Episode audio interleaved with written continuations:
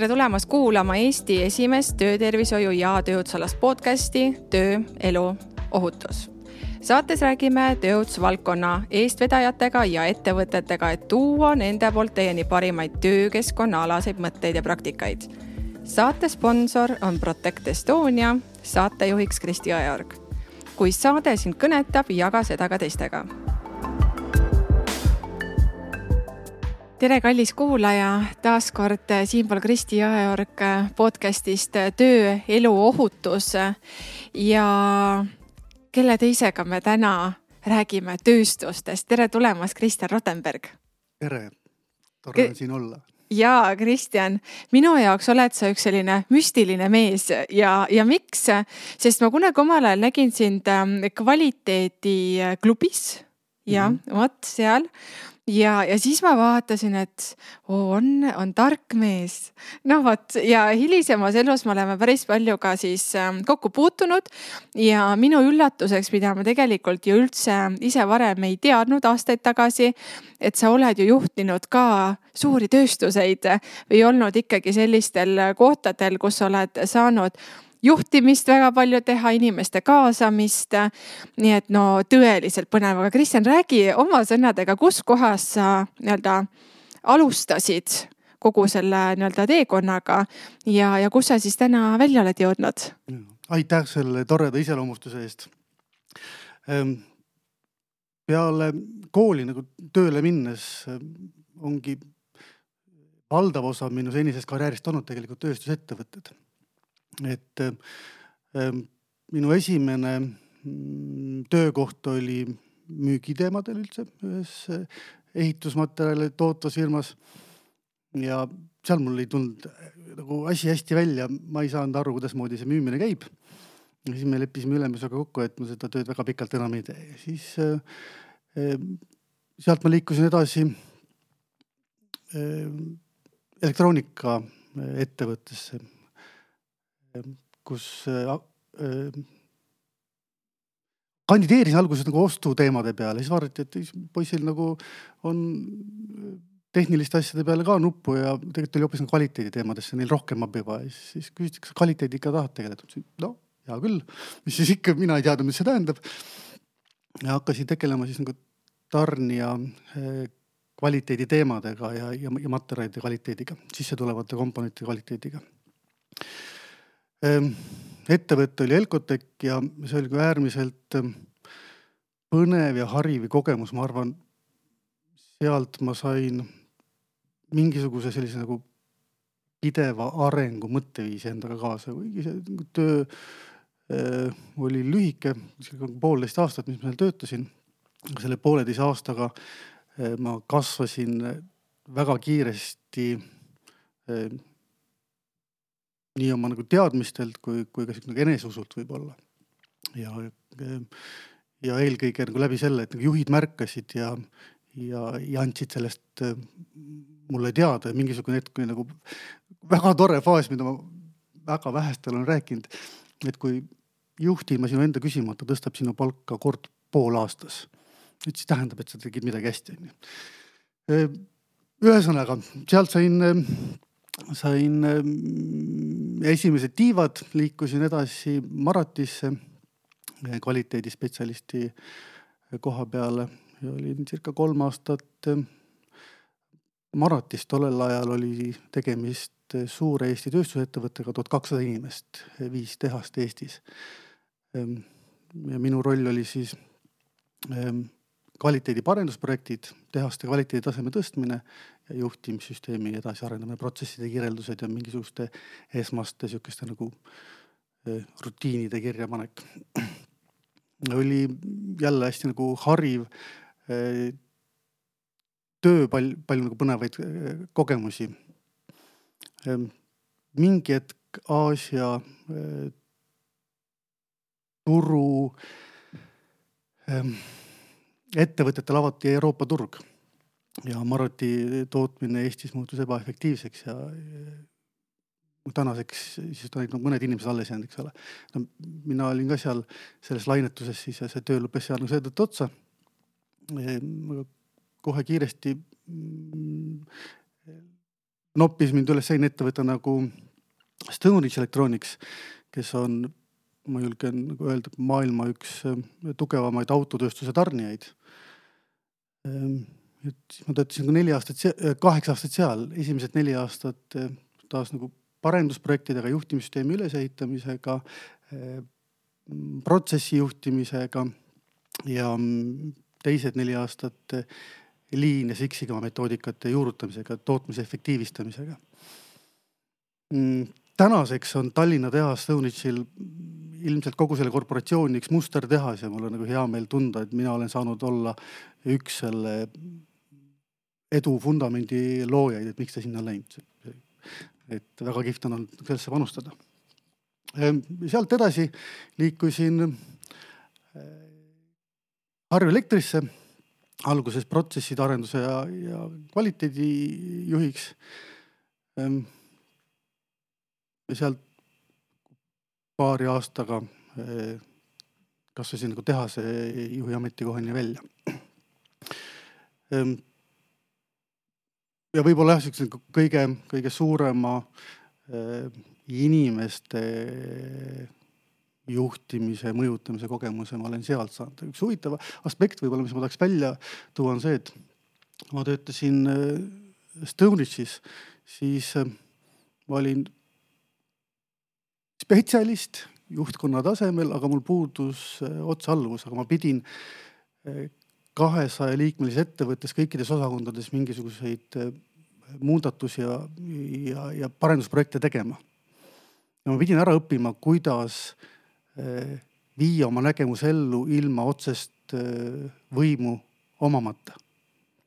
ja, ja mingisugune hetk, kui ma siis selle tehase juhi koha peal olin, siis ma avastasin, et nii väärt oskus, et, et see, et ma suut-, saan nagu tehasjuhi koha peal oma tööd teha ilma oma võimu kasutamata.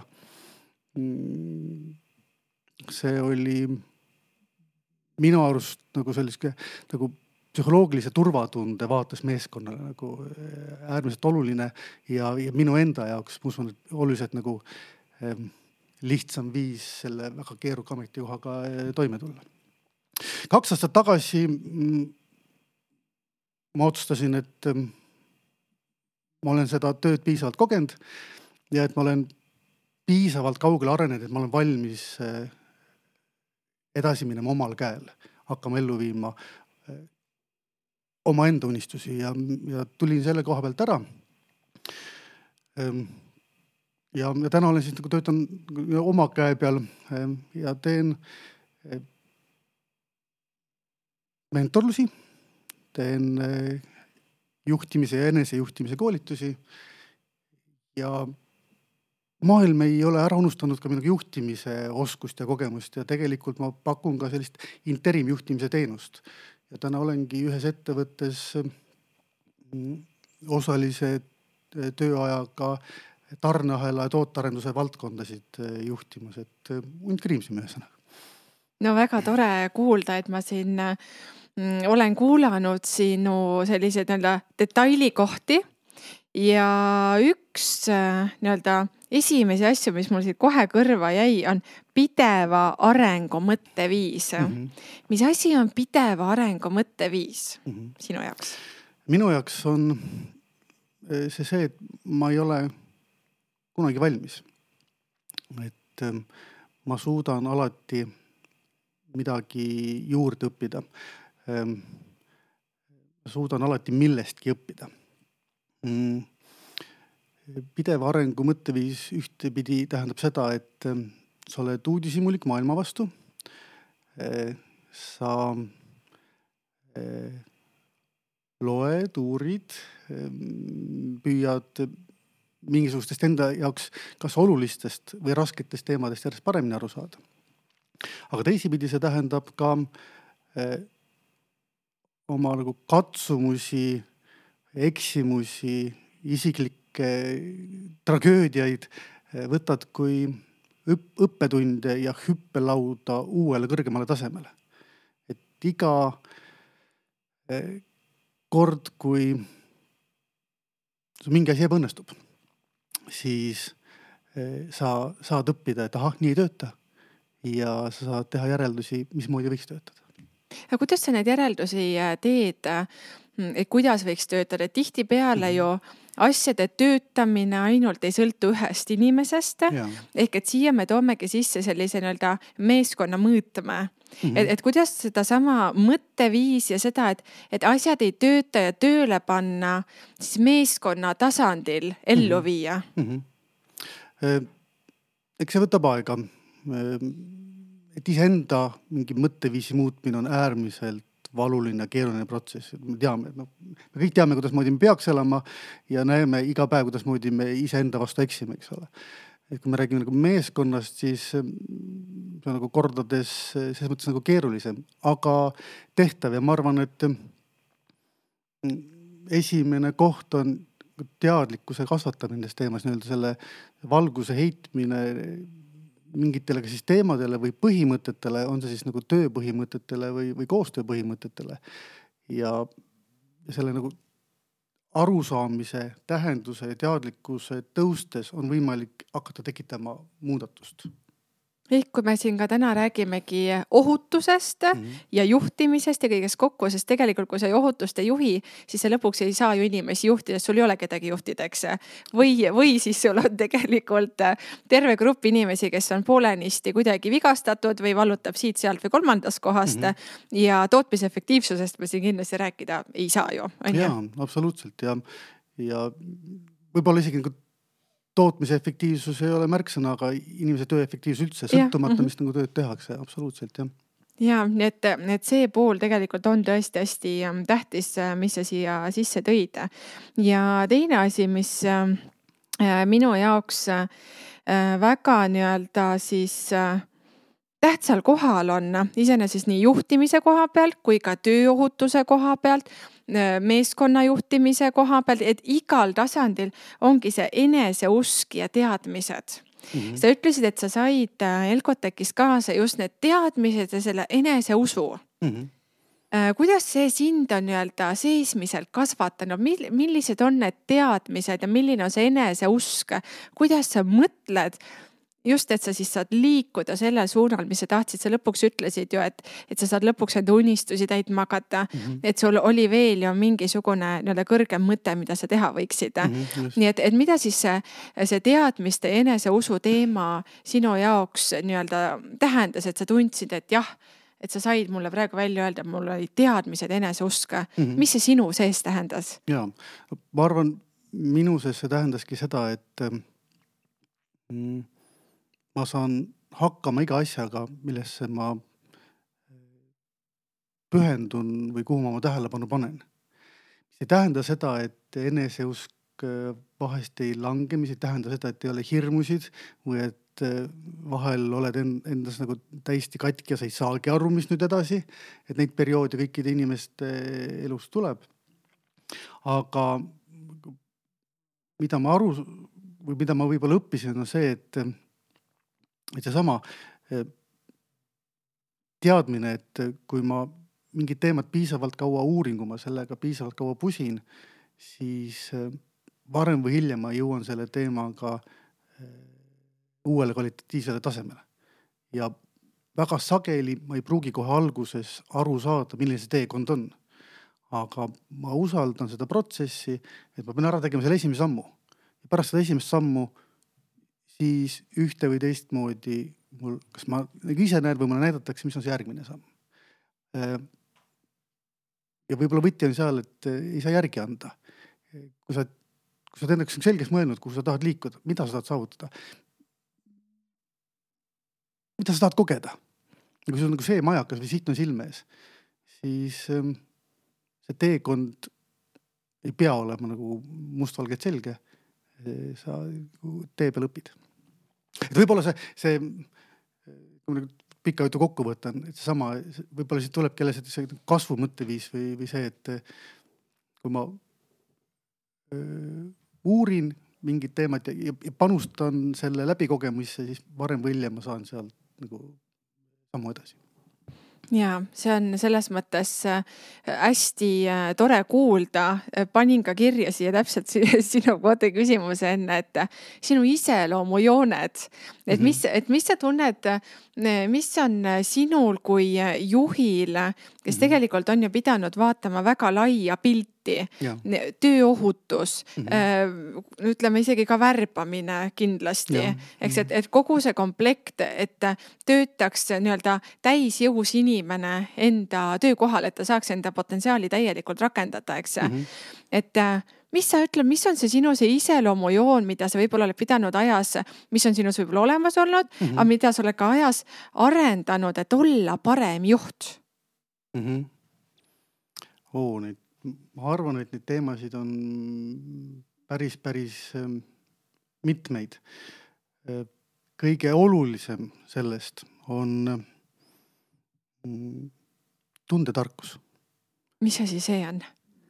Inglise keeles äh, otsetõlge on emotsionaalne intelligentsus mm -hmm. ehk siis äh, oskus märgata oma sisemaailmas toimuvat ja seda reguleerida tahtlikult tahtlikult reguleerida oma emotsionaalset fooni, tahtlikult reguleerida oma eh, mõttemaailmas toimuvat, omada kontrolli selle üle, mitte olla oma emotsioonide ja mõtete ohver. ja teisipidi selle tundetarkuse nagu teine kiht on mm, empaatiavõime, eh, sotsiaalne tundlikkus, konteksti teadlikkus ja selle nagu eneseregulatsiooni vundamendil ja, ja sotsiaalse mõistmise vundamendil saad sa alles hakata teisi juhtima. selleks, et olla hea juht, pead sa kõigepealt olema hea enesejuht ja hea eh, ümbritseva maailma märkaja. kes on hea enesejuht? Kes see loom on, kes see loom on, et, et saabki öelda, et tema on nüüd hea enesejuht, siis tavaliselt vaata tehakse, et sa isegi teed neid koolitusi, see enesejuhtimine. ma olen ka seda teemat vasakule ja paremale lugenud, eks, et, ähm, et, et kes on sinu mõistes üks hea enesejuht mm? -hmm. hea enese juhtimine algab märkamisest. ma tulen taas tagasi selle nagu teadlikkuse või teadvustamise teema juurde, eelmise küsimuse taustal arutasime, aga kui me räägime iseendast, siis mm, enesemärkamine ja vahest koolitustel või mentorlusi tehes ma annan inimestele ühe lihtsa näpunäite, et ja näite varal, et kui me jälgime, mis meie tähelepanu teeb, siis me suudame paralleelselt keskenduda mingisugusele tööle või, või ka praegusele vestlusele ja samas tajuda, et meie ümber on veel inimesi või et meie ümber on see ruum. et, et selle, selle võib-olla praeguse vestluse pidamine ei sega meil tajumast, et meil on siin laua peal veeklaas, et meil ühel pool on aken, eks ole. samamoodi me oleme võimelised paralleelselt tajuma ka seda, mis toimub sisemaailmas senikaua, kuni sellele ei ole tähelepanu juhitud, seda õpetatud, siis eh, enamus inimesi ei taipa seda teha. aga üks lihtne koht, kus alustada võib-olla ongi see, et vii lihtsalt kümme protsenti oma tähelepanust enda sisse. tegele oma eluga edasi, aga lihtsalt jälgi, mis sind käivitab, mis tekitab sinus eh, teatud emotsionaalset fooni. millal sa muutud rõõmsamaks, millal sa muutud eh, võib-olla agressiivsemaks märka, et eh, keegi vadistab su peas kogu aeg. Eh, vanasti viidi need hullumajja need inimesed, eh, kellel peas vadistas. tänapäeval me oleme avastanud, et kõikidel peas keegi vadistab, selle asja nimi on mõtted. see on meie nagu kõne, mis on kolinud sisemaailmasse, et märka, millest seal peas siis vadistatakse. seda on võimalik nagu jälgida taustal. ja sealt tekib see eneseteadlikkus sealt tekib võime hakata sellele reageerima, enne kui sa ei märka, ei reageeri. nii nagu me räägime eh, kvaliteedijuhtimises ja töökeskkonna juhtimises, mida sa ei mõõda, seda sa ei saa juhtida. võib-olla sisemaailma juhtimises samamoodi, et mida sa ei jälgi, seda sa ei saa juhtida, et eh, kui sa ei ole teadlik enda emotsioonidest, mõtetest, oma impulsitest, siis sa oled nende küüsis, mitte, mitte enesejuht jah, ka töötajate juhtimisel ju äh, tegelikult äh, siis, kui sa ei olegi teadlik sellest, millistele situatsioonidele või välistele nii-öelda nimetame siis ärritajatele sa Jaa. ja kuidas reageerid, siis sa võid ju väga paljudele inimestele nii-öelda planeerimatult haiget teha ja võib-olla selliseid segaseid tundeid äh, tekitada ja see tegelikult ju meeskonna tööle mõjub väga halvavalt. absoluutselt. juht, kes ei ole teadlik oma emotsionaalsest käitumisest, võib enesele teadmata mõjutada meeskonda vastupidi sellele, mida ta ise tegelikult soovib. et kui mingisugune situatsioon või inimene teda ärritab ja ta ei märka, et ta näitab seda välja, siis ähm, või ta näitab seda välja töö tulemuse jaoks ebasobival moel töö juures näiteks karjumine või, või, või vihastamine, see ei ole konstruktiivne täiskasvanu, täiskasvanu tasandil eh, suhtlemises. jah, ja, ja see ja, ja, ja selle koha pealt üks nagu oluline juhi omadus sellise nagu turvalise töökeskkonna hoidmiseks on mm, empaatia üks tahk, millest nagu väga tihti ei räägita, on see, et empaatia ühtepidi tähendab mõi- äh, teisest inimesest arusaamist. aga empaatia tähendab ka mõistmist, kuidas mina ümbritsejatel mõjun. ehk siis selle oma mõju hoomamist, ka see on empaatia ja mm, juhid, kes eh, seda oskust valdavad, on töötajatele kindlasti märksa inspireerivamad juhid, kindlasti ähm, suudavad luua märksa äh, turvalisemat ja, ja sihukest ähm, paremini toimivat töökeskkonda. sa mainisid äh, veel siin huvitava nii-öelda sellise fakti, et äh, kuidas siis mitte võimu kasutades viia ellu enda nii-öelda siis selliseid soovitud eesmärke mm. -hmm et, et kuidas siis ikkagi, vaata väga palju räägitakse klassikalisest juhtimisstiilist ka, Mhm. et see kõik ju läib, käibki läbi, Läbi võimu. sellise, läbi võimu ja, ja, ja läbi sellise pressingu, et nii Mhm. on ja nii jääb ja, ja tegelikult mingisugust suurt koostööd ju ei toimi, sellepärast Jaa. ei toimu, sest et keegi on kuskil midagi välja mõelnud ja nüüd nii hakkab juhtuma, eks. just, et aga, aga mida tähendab siis see nii-öelda mittevõimu kasutades oma eesmärkide elluviimine? ja see tähendab eh, taas nagu erinevaid eh, tundetarkuse alla koonduvaid eh, sotsiaalseid oskuseid, millest üks võib-olla oskus omada mõju inimeste üle. Ja seda nagu heas mõttes, omada mõju inimeste üle võib-olla nagu teiste sõnadega tähendab seda, et ma suudan oma eh, soovi teistele inimestele arusaadavaks teha ja vastuvõetavaks teha. et või isegi jah, nii lihtsalt võib seda võtta, et see ongi mõju, et, et sa suudad nii-öelda oma idee maha müüa. väga põnev, Kristjan, ma siit pean sind katkestama. Kuidas müüa oma idee maha? väga tihti need noh, taaskord oleme siin ohutuse podcast'is, Mhm. eks, et väga tihti on ju ähm, tegelikult tööandja selle lõhkise küna ees, Mhm. et iseendale üleüldse see ohutuse idee maha müüa, et miks Jaa. ma selle asjaga tegelema pean.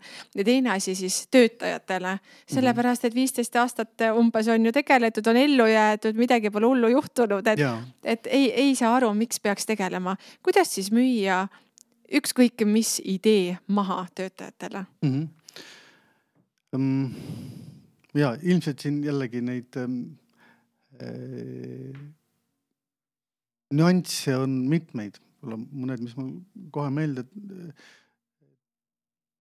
torkavad, on kõigepealt selle nagu konteksti või tähenduse loomine. et mis on selle asja või selle id- idee nagu laiem tähendus, mis on selle positiivne mõju, et kuidas ma eh, aitan inimesel aru saada, et see on lõpuks eh, ka talle hea või nagu hea valik. kui me võtame sellise nagu üldisema näite, mitte töökeskkonnast, aga töö tegemisest üldse. niisugune vana hea klassikaline näide, et kui kiviraiuti käest küsida, et mis ta teeb, siis ta nagu mitteteadlik kiviraiutur ütleb, et raiun kive. ja, ja kiviraidur, kellele on see töö tähendus lahti seletatud, siis tema võib-olla ütleb, et mina ehitan lossi. aga see töö tegelikult on täpselt sama, mis tehakse. et, et, et kui juht suudab siis selle nagu esmalt selle, võtab aega ja annab selle konteksti sinna juurde. või nagu Simon Sinek ütleb, et start with why, et, et miks me seda teeme, see miks kõigepealt ja siis kuidas. Ehm, puhtalt võimu kasutades on see, et eh, ma tulen, lendan kohale. Eh, see on see kajaka juhtimisstiil, lendan kohale, tekitan hästi palju kära. lasen kõik kohad täis ja siis lendan minema, eks ole. et tulen kohale, ütlen, et tehke niimoodi ja lähen minema, et see on see võimu kasutamine, eks ole. Ehm, mõju kasutamise, et ma tulen kohale. Ma kõigepealt üritan aru saada, kas inimene hetkel on nagu sellele informatsioonile vastuvõtlik või tal on hoopis nagu mingi muu teema peas, tal on võib-olla väga-väga kiire hoopis. siis ma pean kõigepealt nagu kohale tooma oma nagu tähelepanus, siis looma selle konteksti ja siis nagu selle platvormi peal ma saan alles hakata siis eh, seda oma ideed maha müüma nii-öelda et ikkagi jah, selline ka inimese hästi teadlik kaasamine. absoluutselt. ja äh, tõid siia kaks sellist äh, head sõna ka nagu on arusaadav ja vastuvõtmine mm. -hmm. kuidas teha inimestele asjad arusaadavalt nii-öelda edasiantavaks või et mm -hmm. ja kuidas anda asju edasi arusaadavalt mm? -hmm. ja ähm, selge sõnakasutus ähm, ja võib-olla selles püüd ähm, selle inimese grupile nagu arusaadavaid ähm, ähm, väljendeid kasutada või arusaadavas kontekstis rääkida. Nende keeles nii-öelda, et nende keeles rääkima ja näited, näited, näited. vahest metafoorid töötavad super hästi. noh, me rääkisime kajaka juhtimisstiilist, eks ole, et mm. -hmm selge metafoor, eks saame kõik aru, kus kajakas käib, mida ta teeb, vaid milline on see tema teguviis. just, just ja, ja teine asi on siis see vastuvõtmine mm. -hmm. kuidas sa oled kogenud seda enda töös, et sa oled soovinud midagi kellelegi nüüd arusaadavalt edasi anda mm? -hmm. oma äh, peas on see sul täiesti selge ja, ja täiesti justkui arusaadav mm. -hmm. ja siis oled märganud, et võib-olla mõnikord inimesed ei võta vastu seda mm. -hmm kuidas sa oled kasvatanud seda vastuvõtlikkust inimestes mm? -hmm. ja seda vastuvõtlikkust äh, erinevad kontekstid ole, et kas ma juhina, situatsioon on mul äh, inimesega üks-ühele vestlus, situatsioon on väikse tiimi vestlus, kuni kümme inimest või situatsioon on äh, kogu tehasega vestlus, et ma korraga kakssada inimest ees, kellele ma kõnet pean, eks ole, et seal need ähm, kuidas seda vastuvõtlikkust tekitada nagu erinevad raskusastmed. et eh, noh, kui me nagu lihtsustatult eh, võtame, siis põhimõtteliselt inimene on vastuvõtlik eh, siis, kui ta nagu sobivas emotsionaalses seisundis selle, selle sinu sõnumi jaoks. et kui tal juba eos midagi ripeldab selle teemaga, ta juba tuleb kohale, olles selle teema vastu täiesti tõrges või tal on hoopis mingi teine teema, tal võib olla hoopis mingi pereprobleem praegu. tal läheb kogu oma sisemine ressurss eh, selle pereprobleemi lahendamise peale nagu oma peas. Eh, tal jääb iga kolmas eh, sinu nagu lause tähele panemata, sest lihtsalt tema fookus hüppab kogu aeg nagu sinna oma probleemi peale. et selle, siin ongi see, et, et ma pean nagu aru saama, et kas inimene jälgib mind või ei jälgi, et on ta nagu pilk on terav ja, ja ta puurib mind või ma, või näen, et ta hajevil vaatab ringi, võib-olla lobiseb kellegi teisega, et, et sealt ma nagu saan aru, et kas ma olen ta suutnud kohale tuua või mitte. ja, ja kui tema pilk ei puuri mind, siis ta ei ole kohal, siis ma pean enne tegema midagi, et saada ta kohale. Aga mida sa enne teed, kas sa siis valmistad ükshaaval inimesed kõik ette kuidagi, teed selliseid üks-ühele vestlusi? Või kuidas sa, no näiteks sa tõidki näite kakssada mm -hmm. inimest, kümme inimest, noh mm -hmm., üks inimene on lihtne ja, variant, eks ju. aga et jah, et kas sa kuidagi siis tõesti seda seltskonda ette ka valmistad mingisuguse sellise nii-öelda vastuvõtlikkuse kasvatamiseks? Mm? -hmm jaa, ma arvan, lugude rääkimine on hea tehnika inimeste tähelepanu kohale toomiseks, et see, see lugu võib olla ka anekdoot. see lugu võib olla eh, mingi päriselu sündmus, mis on, on ka nagu konteksti mõttes oluline, et see ei pea alati olema mingisugune täitsa nagu suvaline jutt.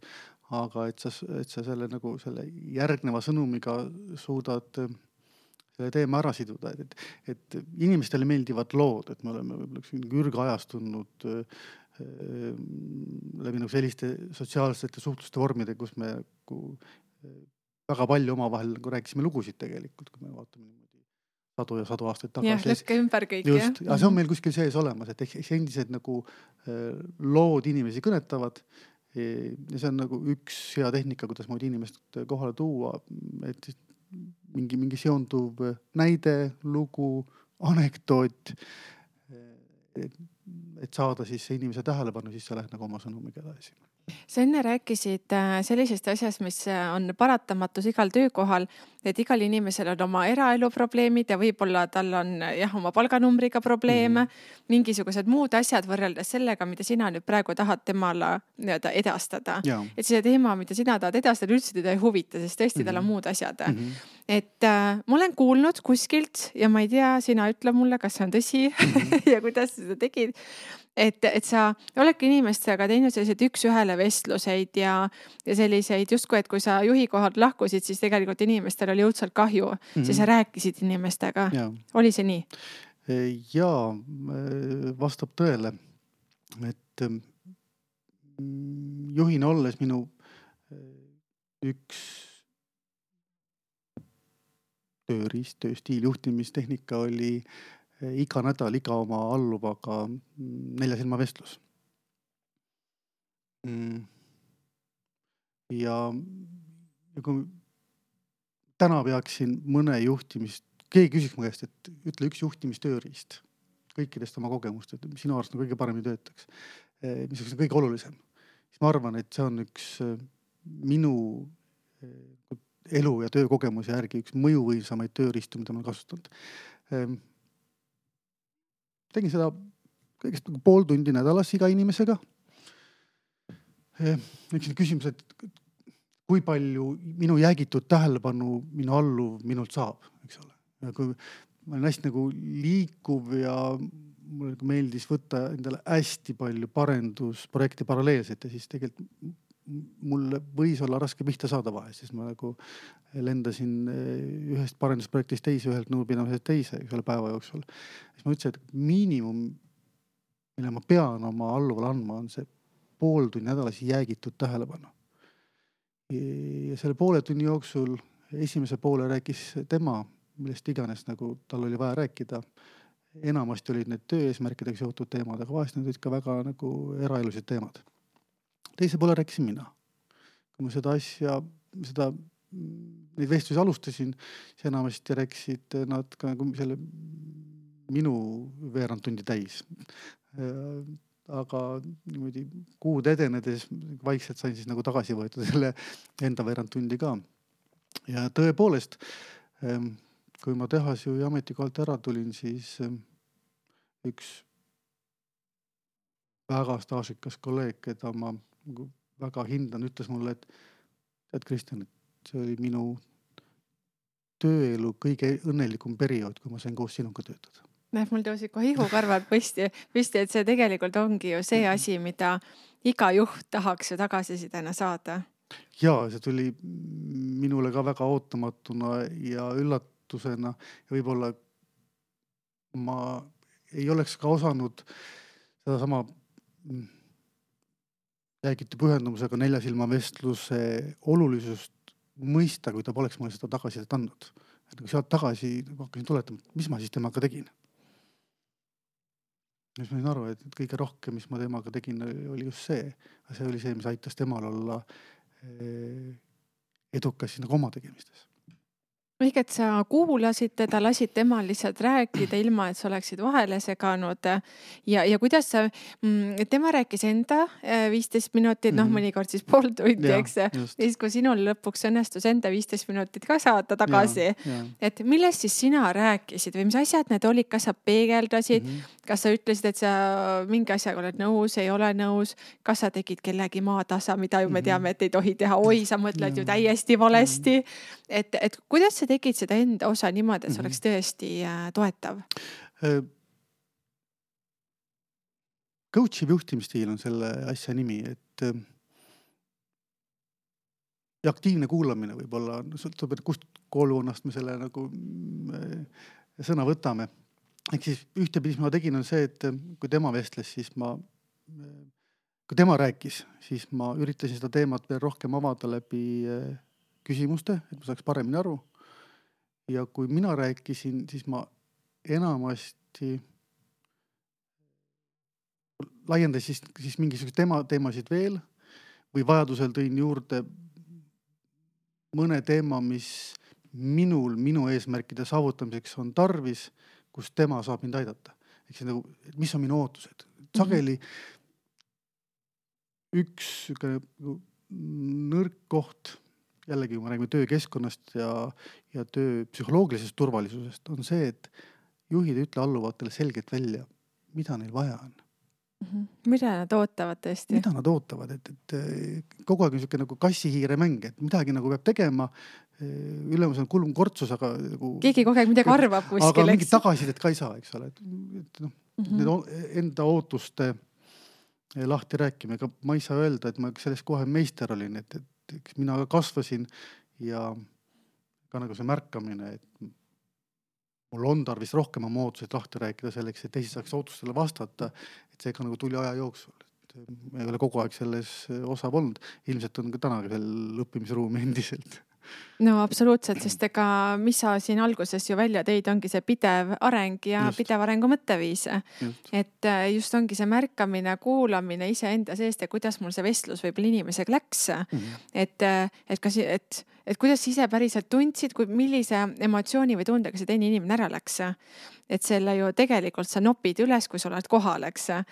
et, et see ei jää, aga nii kui sa kohal ei ole, siis see oligi sinu jaoks selline üsna möödaminnes tehtud vestlus ja kui sa tunnetad ära, et sa ei olnud tegelikult kohal ja tegelikult sa tegid lihtsalt linnukese pärast vestluse, siis tegelikult ma arvan, et see vestlus ei olnud väärtuslik, eks. kindlasti, kindlasti ja üks huvitav aspekt, mis äh, mitu aastat järjest selliseid vestluseid tehes hakkas välja joonistuma, oli see, et äh, seesama nelja silma vestlus muutus ka väga oluliseks tehnikaks jällegi psühhosotsiaalsete teemade juhtimiseks, et kui me räägime keskkonna juhtimisest, ehk siis eh, milline on stressitase, milline on eh, läbipõlemise oht kellelgi inimesel, kuidas mina juhina saan mõjutada, kuhu suunas inimene sellega liigub. Ja eh, mida ma märkasin, oli see, et kui ma alustasin oma neid vestlusi alati ühe sama küsimusega, et kuidas sul läheb? Ja mis toimub sinu elus või tööelus, siis küsides iga kord avanguks ühe sama küsimuse, vastused ajas muutuvad, et see vastuste retoorika muutub muuseas, kui ja... ma praegu siin korra vaatan, vabandust, ma segan vahele. ma väga jälgisin seda, kuidas sa seda ütlesid. sinu äh, näoilme oli väga sõbralik, sinu kehahoid oli selline pehme, mitte üleolev, eks mm. -hmm. et mul tekkis küll tunne, et ma tahaks öelda ka võõra inimesena võib-olla, et, et oo, Kristjan, ja et mul tegelikult läheb nii või naa või kolmandat mm -hmm. pidi. et mulle tundus praegu, et tegelikult see enda see kõnemaneer, näoilme mm, -hmm. kehahoid selle küsimuse esitamise juures mängib ka ju rolli. absoluutselt, selleks, et juhina saaksin oma alluvaga kontakti, ma pean tekima, tekitama turvatunde ja usalduse tunde ja juhina tahes-tahtmata, vähemasti kapitalistlikus kultuuris võetakse sind ohtlikuna. niipea kui sa saad endale paguni juurde, sa saad kohe ka nagu ohtliku taseme juurde teiste silmis. Ja sa pead suutma seda nii palju kui võimalik maandada, see jääb kuhugi alateadvusse sinu äh, alluval ilmselt sellegipoolest.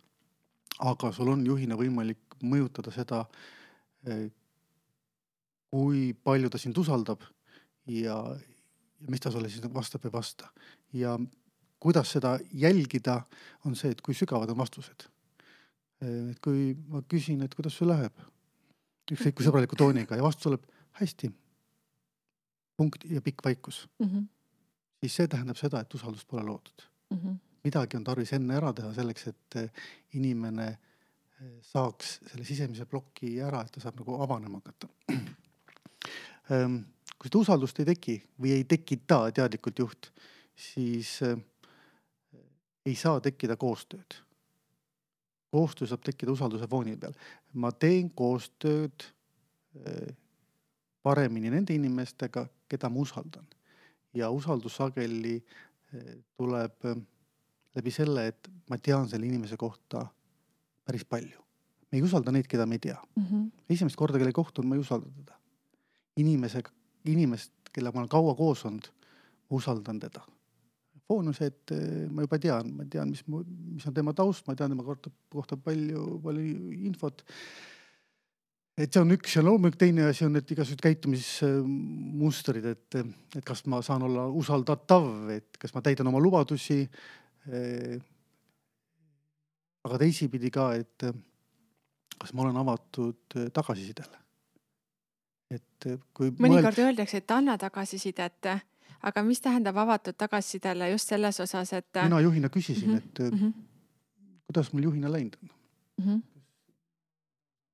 paremini, et sellest usaldust veel rääkida, et mm, üks sihuke hea näide, et mm, emad ja väikelapsed. väikelapsed emadega käituvad sageli päris kohutavalt, isadega mitte nii sageli siin ei ole küsimus üldse mitte kasvatuses, vaid siin on küsimus usalduses. Ema ja lapse vahel on nii tugev usalduse suhe, et laps saab olla vaba ja näidata välja, mis tal tegelikult sees toimub. isadega sageli see on nagu nõrgem, seal ei näidata. teine sihuke nagu sarnane hea näide on võib-olla lapselapsed ja vanavanemad. väga sageli lapselapsed vanavanematele räägivad kordades keerukamaid nende nagu hingeteemasid kui, kui oma vanematele jällegi, miks? vanemad, vanematel on juba nii suur elukogemus, nad oskavad lihtsalt vait olla ja kuulata ja vahest lihtsalt öelda väga tähenduslikult oo. et see on ka oskus, mida nagu juht peab endale arendama selleks, et tekitada see turvatunne. et kui ma neid nelja silma istusi teen, inimene saab ennast avada, ta saab öelda päriselt, et mis tal töö juures tuleb välja, mis tal töö juures ei tule välja, millega ta hädas on, kellega ta hädas on. ta tõi mulle kõik hästi tore. jah, ei mul, mis mul ikka toimub, sama töö nagu, nagu eelmine nädal tegin, mitte midagi muutunud ei ole, et need on nagu tüüpilised esimesed vastused. kui sa alustad selliseid vestluseid ja, ja ei ole seda turvatunnet endale olnud. aga minu eel, eelmise mõtte nagu lõpetuseks, mis ma hakkasin rääkima sellest samast eh, meeskonna stressi juhtimisest ja sellest, et mis juhtub, kui ma jälgin seda retoorikat retoorika muutumist, küsides iga kord avanguna sama küsimust, on see, et mitte see ei ole tähtis, mis ta mulle vastab, vaid see, kuidas need vastused ajas muutuvad. ja nende vastuste muutumise järgi ma näen trendi. et kas sellel inimesel nina vajub järjest rohkem allapoole või tema nina tõuseb järjest rohkem nagu kõrgele. ma arvan, et ahah, et kui see nagu trend jätkub kus ma selle inimese, tema töövõimega, tema pühendumusega, tema panustamisega olen võib-olla pool, poole aasta pärast, et kas ma olen seal, kas ta liigub nagu selles suunas, mis on eh, meile ettevõttele, minu tiimile kasulik või me liigume hoopis nagu destruktiivses suunas ja mingisugune hetk peab hoopis tervisepäevi võtma hakkama, sellepärast et eh, keha või vaim ei pea vastu jah, et, et juhina ka nii-öelda siis võib-olla see valus kriitika vastu võtta, kui ongi näha, et töötajal ongi nina siis nii-öelda allapoole ja et püüda seda siis ülespoole saada, et võib-olla tema see sisemine frustratsioon, näiteks mul oli aastaid tagasi kogemus, kus ma käisin raskuste käsitsi teisaldamiskoolitust mhm. tegemas mm -hmm. ja töötajatele alguses nii-öelda seda infot viia oli nii raske mm, -hmm. sellepärast et esimesed grupid olid kohe sellised, kes elasid veel eelmiste juhtide elu et, äh, et noh, nad ütlesid, noh, et kas te nüüd siis pingutate ja kas te nüüd tahate meil siin näidata midagi ja kas te tahate ja. näidata, et te hoolime, et see, et hoolite mm, -hmm. et mhm. see vana juhtimisstiil, aga need vanad juhid olid ära läinud, eks mm. -hmm. oli veel neil nii-öelda sellise okkana sellisel hinges, et nad äh, tegelikult ei, ei saanudki üldse toimida nii hästi mm. -hmm. ja just see nina oli sellepärast äh, noh, veel all, mitte isegi võib-olla sellepärast, et seda uut juhti ei usaldata, võib-olla võib-olla usaldati mm, -hmm. aga et see, see suur sisemine pettumus. kas te selliste asjadega olete ka kokku puutunud, et kus ongi keegi, kes tõesti ähm, sa näed, et ongi päris sellises halvas kohas mm -hmm. ja, ja oled ta saanud sealt sellisesse mõnusasse nii-öelda produktiivsesse punkti tagasi? ja mul üks hästi markantne näide isegi selle teemaga selles mõttes võib-olla ei ole nagu hea näide, et ma otseselt selle inimesega ei teinud äh, sihukest nagu üks-ühele väga palju tööd, et, et seda muutust tekitada. muutus tekkis pigem nagu ähm, selle nagu töö kogemise ja töö tulemuste kogemise peale, aga lugu oli selline, et et kui ma seal tehasjuhina alustasin, nagu ma ütlesin, päris palju erinevaid parendusprojekte äh, alustasin, siis ähm, minu käest mõned väga staažikad inimesed, kes olid seal ettevõttes viiskümmend aastat võib-olla isegi töötanud, küsisid, et Kristjan, me oleme neid tooteid teinud pea viiskümmend aastat. täpselt nii nagu, nagu me praegu teeme kümneid aastatest ühtemoodi. Ja nüüd sa tuled meile ütlema, et me ei oska. ja, ja nende minu töömeetodite muudatuste nagu juurutamise tuules oli mingi kontingent inimesi, kes ei saanud sellest aru, kelleni mul ei õnnestunud äh,, ei olnud õnnestunud jõuda. Ja kes töötasid vastu kõikidel võimalikel rinnetel ja üks nendest inimestest oli, oli tõesti nagu sisemine ka nagu arvamusliider, mitte ainult nagu töötajate seas, vaid ka omanike ringis. aga loo lõpp oli teistpidi nagu õnnelik, et, et kui kaks-kolm aastat me olime neid protsesside arendusi ja parendusi teinud ja inimesed nägid neid tulemusi, mismoodi tööviljakus, töökeskkond, nagu töö rahulolu on kasvanud tehases. siis ähm, paar päeva enne seda, kui ma tehasjuhi kohalt ära tulin, äh, tuli see töömees minu juurde, surus mu kätt ja ütles, kuule Kristjan, lepime ära.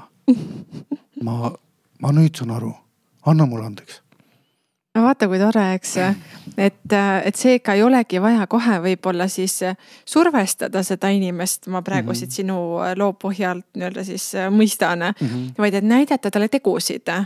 et äh, tõesti lihtsalt näidata välja, et sa liigud, et sa mõistad tegelikult, aga sa mitte kuidagimoodi siis noh, ei halvusta või ei tõmba maha või miks sa nii või naa mõtled, eks mm. -hmm.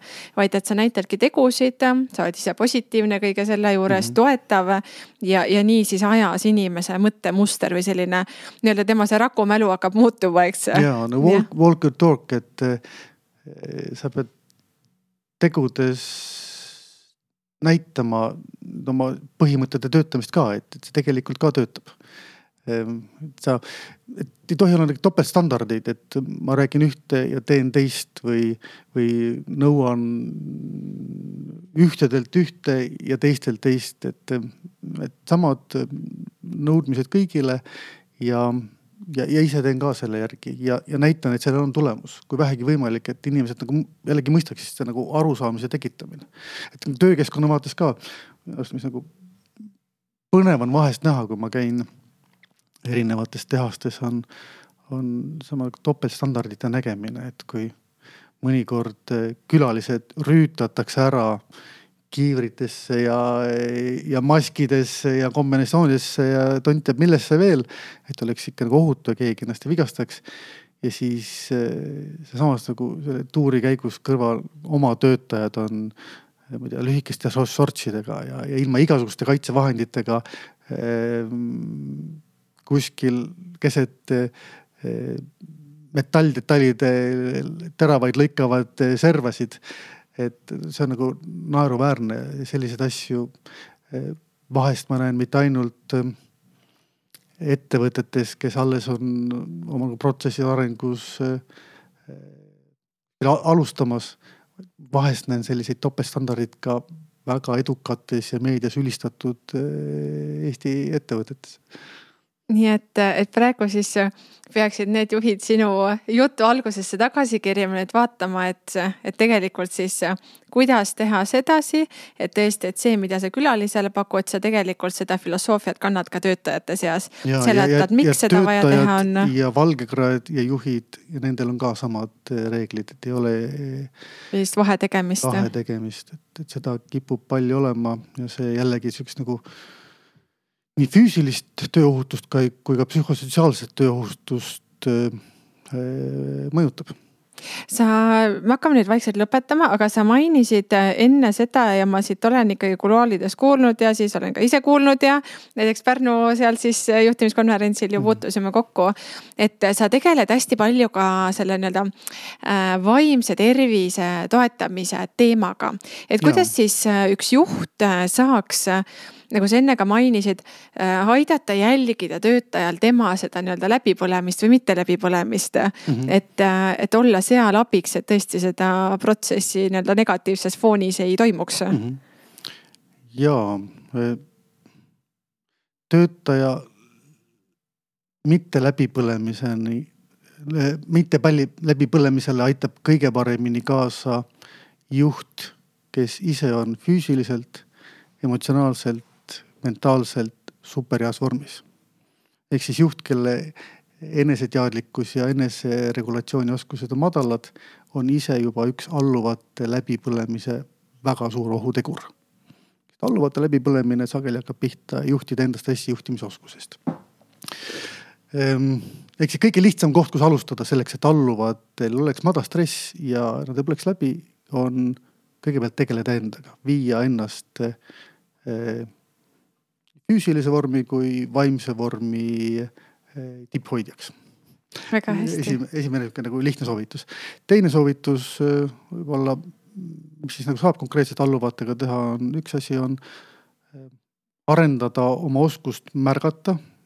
see, mis toimub inimeste sees, seda on väga raske märgata, sest me kõik oleme õppinud maski kandma. aga märgata siis nagu väikseid asju, kuidas hääletoon vahest muutub, kuidasmoodi näoilmed vahest muutuvad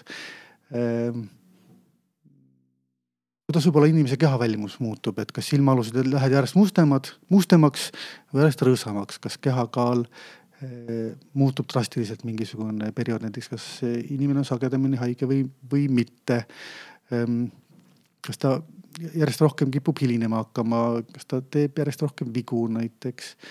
jälgida nagu muutuseid, mitte isegi mitte konkreetselt mingisugust aspekti inimese juures, vaid, jälgida tema Eh, käitumise ja tulemuslikkuse muutuseid ja ka tema füüsilise välimuse muutuseid ja selle muutuse pealt on võimalik siis nagu aru saada, et kas ta liigub paremuse suunas või kehvemuse suunas.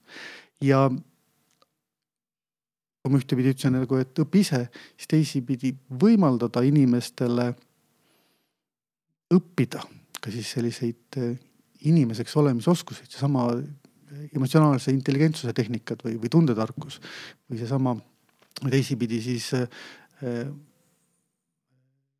vaimse vormi oskused, et kuidas tulla toime elus loomulikult pidevalt toimuvate muudatustega, muutustega, stressirohkete olukordadega.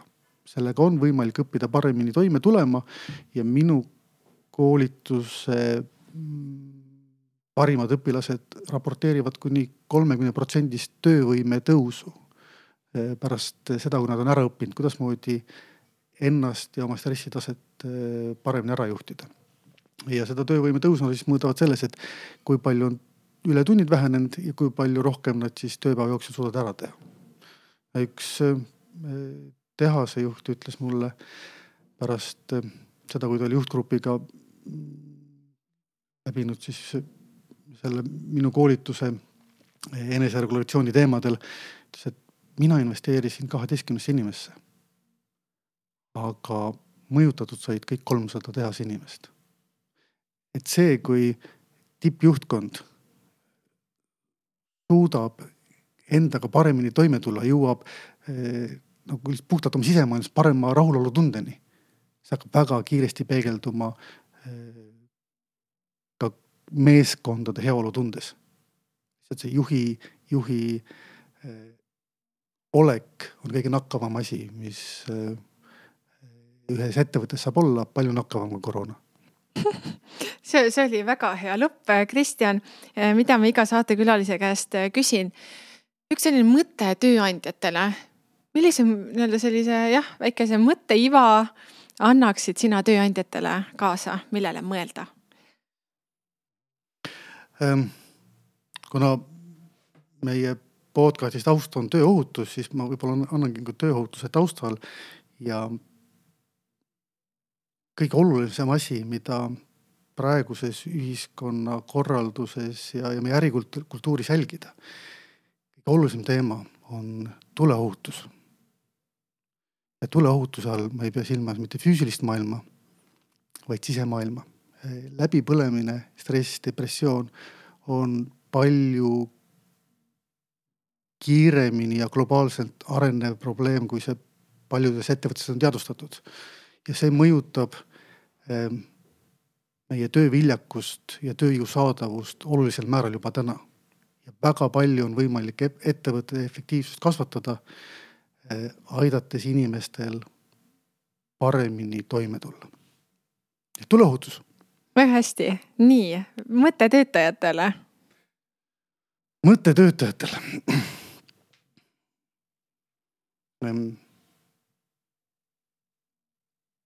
olge julged ja järjepidevad oma vajaduste heatahtlikkus peegeldamises juhtidele. alati ei pruugi olla kerge juhil aru saada, mis on need aspektid, mis ähm, aitaksid äh, tööl ennast paremini tunda, äh, paremini tööd teha, paremat töö tulemust teha. Äh, ja vahest nagu esimene kord rääkimisena ei jõua see sõnum võib-olla selgelt kohale, et avatud suhtlus ja regulaarne suhtlus, vähem hierarhia kartmist, vähem barjääre osakondade vahel, et eh, rääkige omavahel. paljud asjad muutuvad palju lihtsamaks, kui nad on kord lahti räägitud väga hästi, et siit ma ütlen ka oma sellise hea väikese lõpusõna, mis ma siit äh, ise veel koolituselt viimati kuulsin, et hea vaimse tervise taustaks on paindlikkus et äh, jah, et sinu jutu kokkuvõttes mulle tundus, et see on täitsa paslik, et, et tõesti, kui sa oled vastuvõtlik, paindlik, mõtled kaasa, siis tegelikult ju kõik asjad juhtuvad. nii on suur aitäh, Kristjan, et sa võtsid selle aja ja tulid enda mõtteid jagama. nii et äh, tõesti äh, juba kujutlen kuulajat ette, kes kohe nii-öelda kerib tagasi ja vaatab, oh, no nii, nüüd mul läheb vihik välja otsida ja kõik need head mõtted üles kirjutada, mida siis hakata realiseerima. et tõesti suur aitäh sulle kuldaväärt mõtete eest ja soovin sulle palju edu sinu tegemistes. aitäh kutsumast, Kristi, mul oli suurim rõõm sinuga siin vestelda. aitäh